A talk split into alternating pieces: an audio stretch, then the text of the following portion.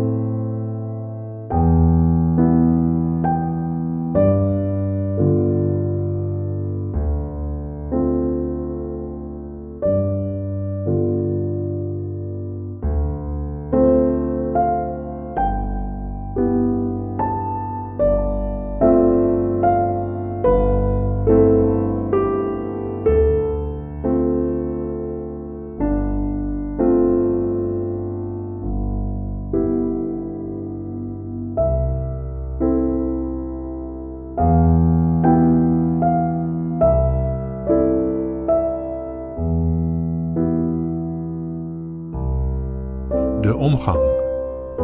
Dagelijks. Dinsdag 28 april.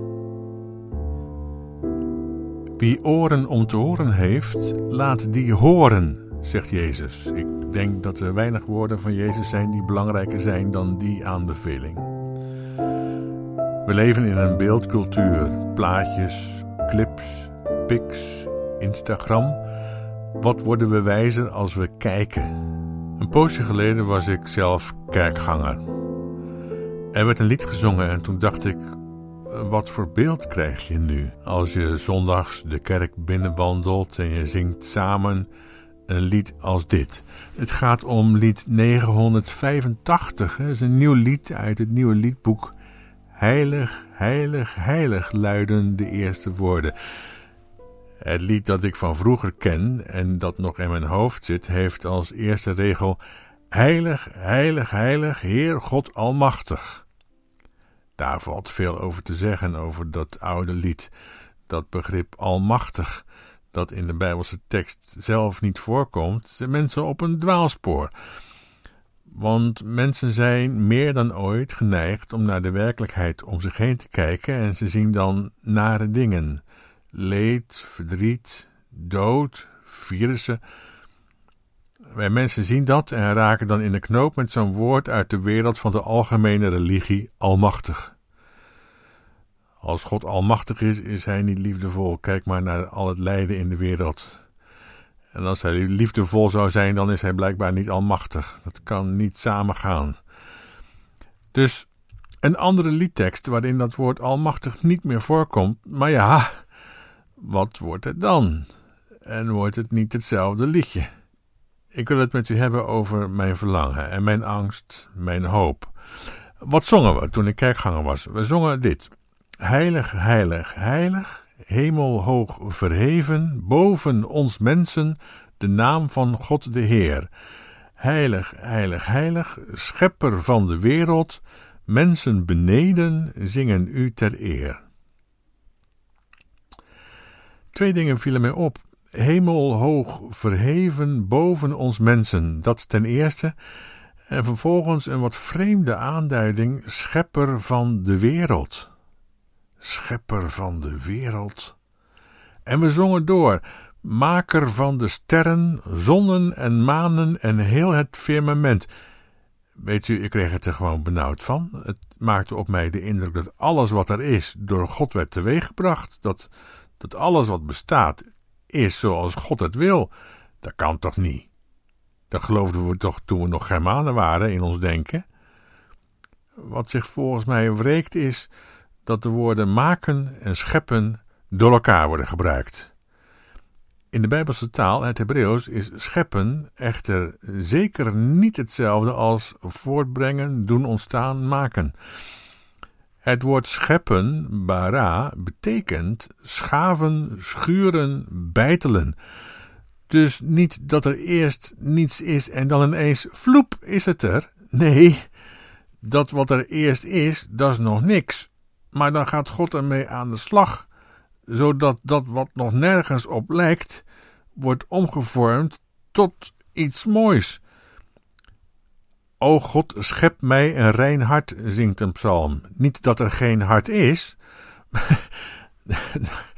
Nee, tuurlijk. Maar, maar door te scheppen maakt God het tot iets moois. Gods scheppen maakt dat wat er is rein en gaaf af. Dus, dus er is van alles en nog wat. Maar daar is de dichter van Genesis 1 niet zo in geïnteresseerd.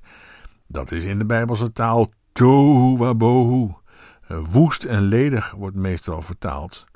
Als je die woorden in het Hebreeuws hoort, dan hoor je een, een onheilspellende klank klinken. Tohu wabohu. Daarin zit huiver voor alles wat er om ons heen bestaat.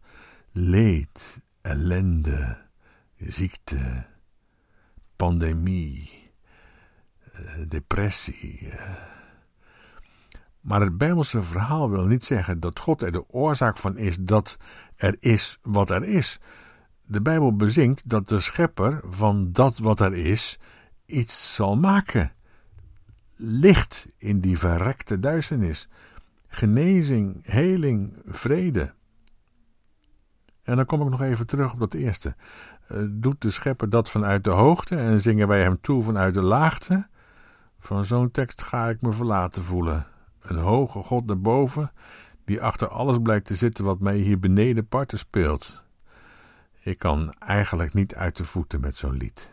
Dat zegt natuurlijk vooral iets over mijzelf. Ik ben zo getroost geraakt door de tekst van de Bijbel dat ik met zo'n algemeen religieuze voorstelling niet zoveel meer kan. Ook niet zoveel meer wil eigenlijk. Ik hou van Genesis, waar God de schepper is. Bereshit bara Elohim hashemayim we haaretz. Om te beginnen gaat God scheppend aan de slag met dat wat er is, wat nog tohu wabohu is, om dat te vormen tot, ja, en dan gebruikt de Bijbelse tekst de woorden hemel en aarde. Dat moet het worden hemel en aarde. God vormt dat wat er is, de, de hele Santekraam, de bliksemse bende, de, de wereld, vormt hij tot hemel en aarde, zodat wij komen te leven, we haaret tachat hashemayim, onder de beschermende stolp van Gods hemel op de aarde. De aarde is het droge, Gods liefdevolle hand onder ons bestaan. En de hemel is de beschermende koepel, Gods beschermende hand over mijn aarde heen. Wat tohu abohu was en is, wordt een veilige plek, een huis van liefde. En hoog is, is, is die Bijbelse God hoog en zijn wij laag hier beneden. Eigenlijk is het evangelie net zo mooi als de profetie. Daar is God laag bij de grond. Met kerst uh, wordt hij geboren in een stal, uh, waar hij wordt toegezongen door de herders, de meest kanslozen van die dagen. Uh, de tramps, die van de Trumps het meeste vrezen hebben. En die zingen niet vanuit de laagte naar omhoog, maar die zingen een kind toe dat in hun midden is geboren, om voorgoed in hun midden te zijn. Als we nu naar buiten gaan en we zien wat er allemaal gebeurt in de wereld, Zien we dan hoe en wat God is? Nee, dat zien we niet. We zien slechts dat wat er is. Tohu wabohu. Maar hoor, er klinkt een stem in die teksten. Een, een, een stem van een, een schepper die zo bezig is dat wat nu woest en ledig is, zinvol wordt. Omdat die schepper van mensen houdt. Is dat alles? Ja, dat is alles. En dat is bepaald niet niks. Tot morgen.